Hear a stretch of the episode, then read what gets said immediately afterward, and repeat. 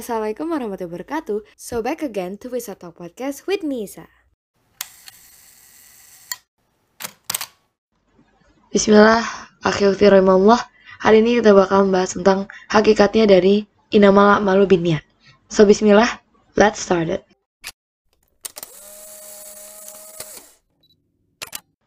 Oke, arti dulu deh inamal malu biniat. Sungguhnya, suatu pekerjaan itu tergantung dari niat. Ini nih, ini salah satu yang kita sekarang lakukan. Lebih tepatnya kami. Podcasting. Niat dari kami podcasting, niatnya dakwah. Jadi, itu contohnya ya, dari perbuatan itu tergantung dari niat. Tapi, untuk beberapa hal, lo nggak bisa membuat sebuah perbuatan itu menjadi niat yang kayaknya terkesannya baik gitu loh lo nggak bisa jadi dari niat yang baik backgroundnya juga harus baik contoh yang sekarang terjadi pada masyarakat yang sering gue lihat di mana mereka dakwah oke okay, gue support banget gitu. Tapi when I see oke okay, nama YouTube-nya mungkin bla bla bla salafi gitu.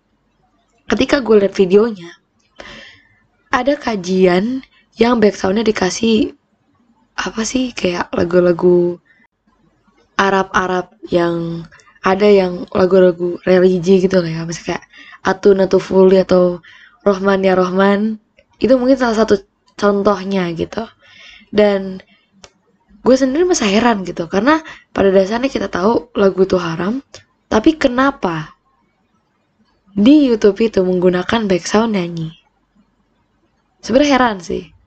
Jadi kalau misalnya orang ini berdalih, eh, gue mau dakwah, ini cara gue dakwah, oke. Okay.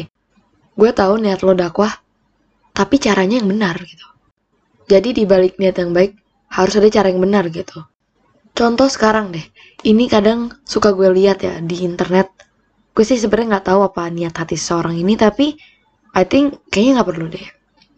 Sering banget di sosmed kita melihat orang yang kadang dia bersedekah nih dia infak gitu katakan 50 juta oke okay lah terus beliau kayak ngasih ke orang yang dia kasih nih misal fulan gitu. Dan itu di capture. I think it's okay for you to capture it karena mungkin buat oke okay, dokumentasi biar gue ingat ini berapa jumlah yang pernah gue kasih. Tapi beliau ini mengcapture untuk di post on Instagram. Dan gue merasa kayak di sini takutnya ada hati nih yang awalnya niatnya lurus. Gue mau ngasih lah buat orang.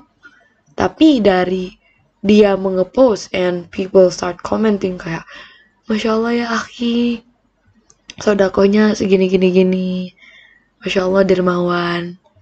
Dari sini wah manusia tuh susah banget sih emangnya namanya jaga perasaan itu biar aduh gue biar niatnya nggak dipuji gitu. Jadi emang niatnya lurus. Tapi kadang itu hal-hal seperti itu yang bisa bikin kita kayak belok tanpa kita tahu makanya kalau misalnya ada yang berdalih kita niat mengepost ini untuk diambil ibrohnya atau pengen memotivasi teman-teman di luar sana.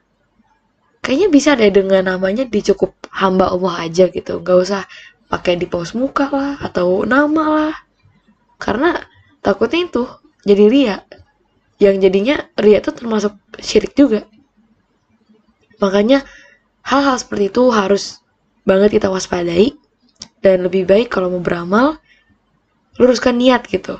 Misal kayak dakwah nih lo mau menyembunyikan diri lo gaya apa sih? Ya kan? Beda halnya dengan sedekah tadi. Kalau dakwah orang pasti tahu lo. Pasti kayak oh ini fulan ini fulana. Tapi tugas kita di sini ya luruskan niat gitu. Niatkan dakwah ini bukan untuk famous atau diaku manusia. Ya, gak, itu nggak peduli deh. Kalau misalnya fansnya udah hilang, mau apa akunnya? Hilang juga. Jadi apa-apa niatkan untuk Allah, bukan untuk makhluk. Luruskan niat, dan insya Allah jadi pahala. Gue pamit undur diri. Wassalamualaikum warahmatullahi wabarakatuh.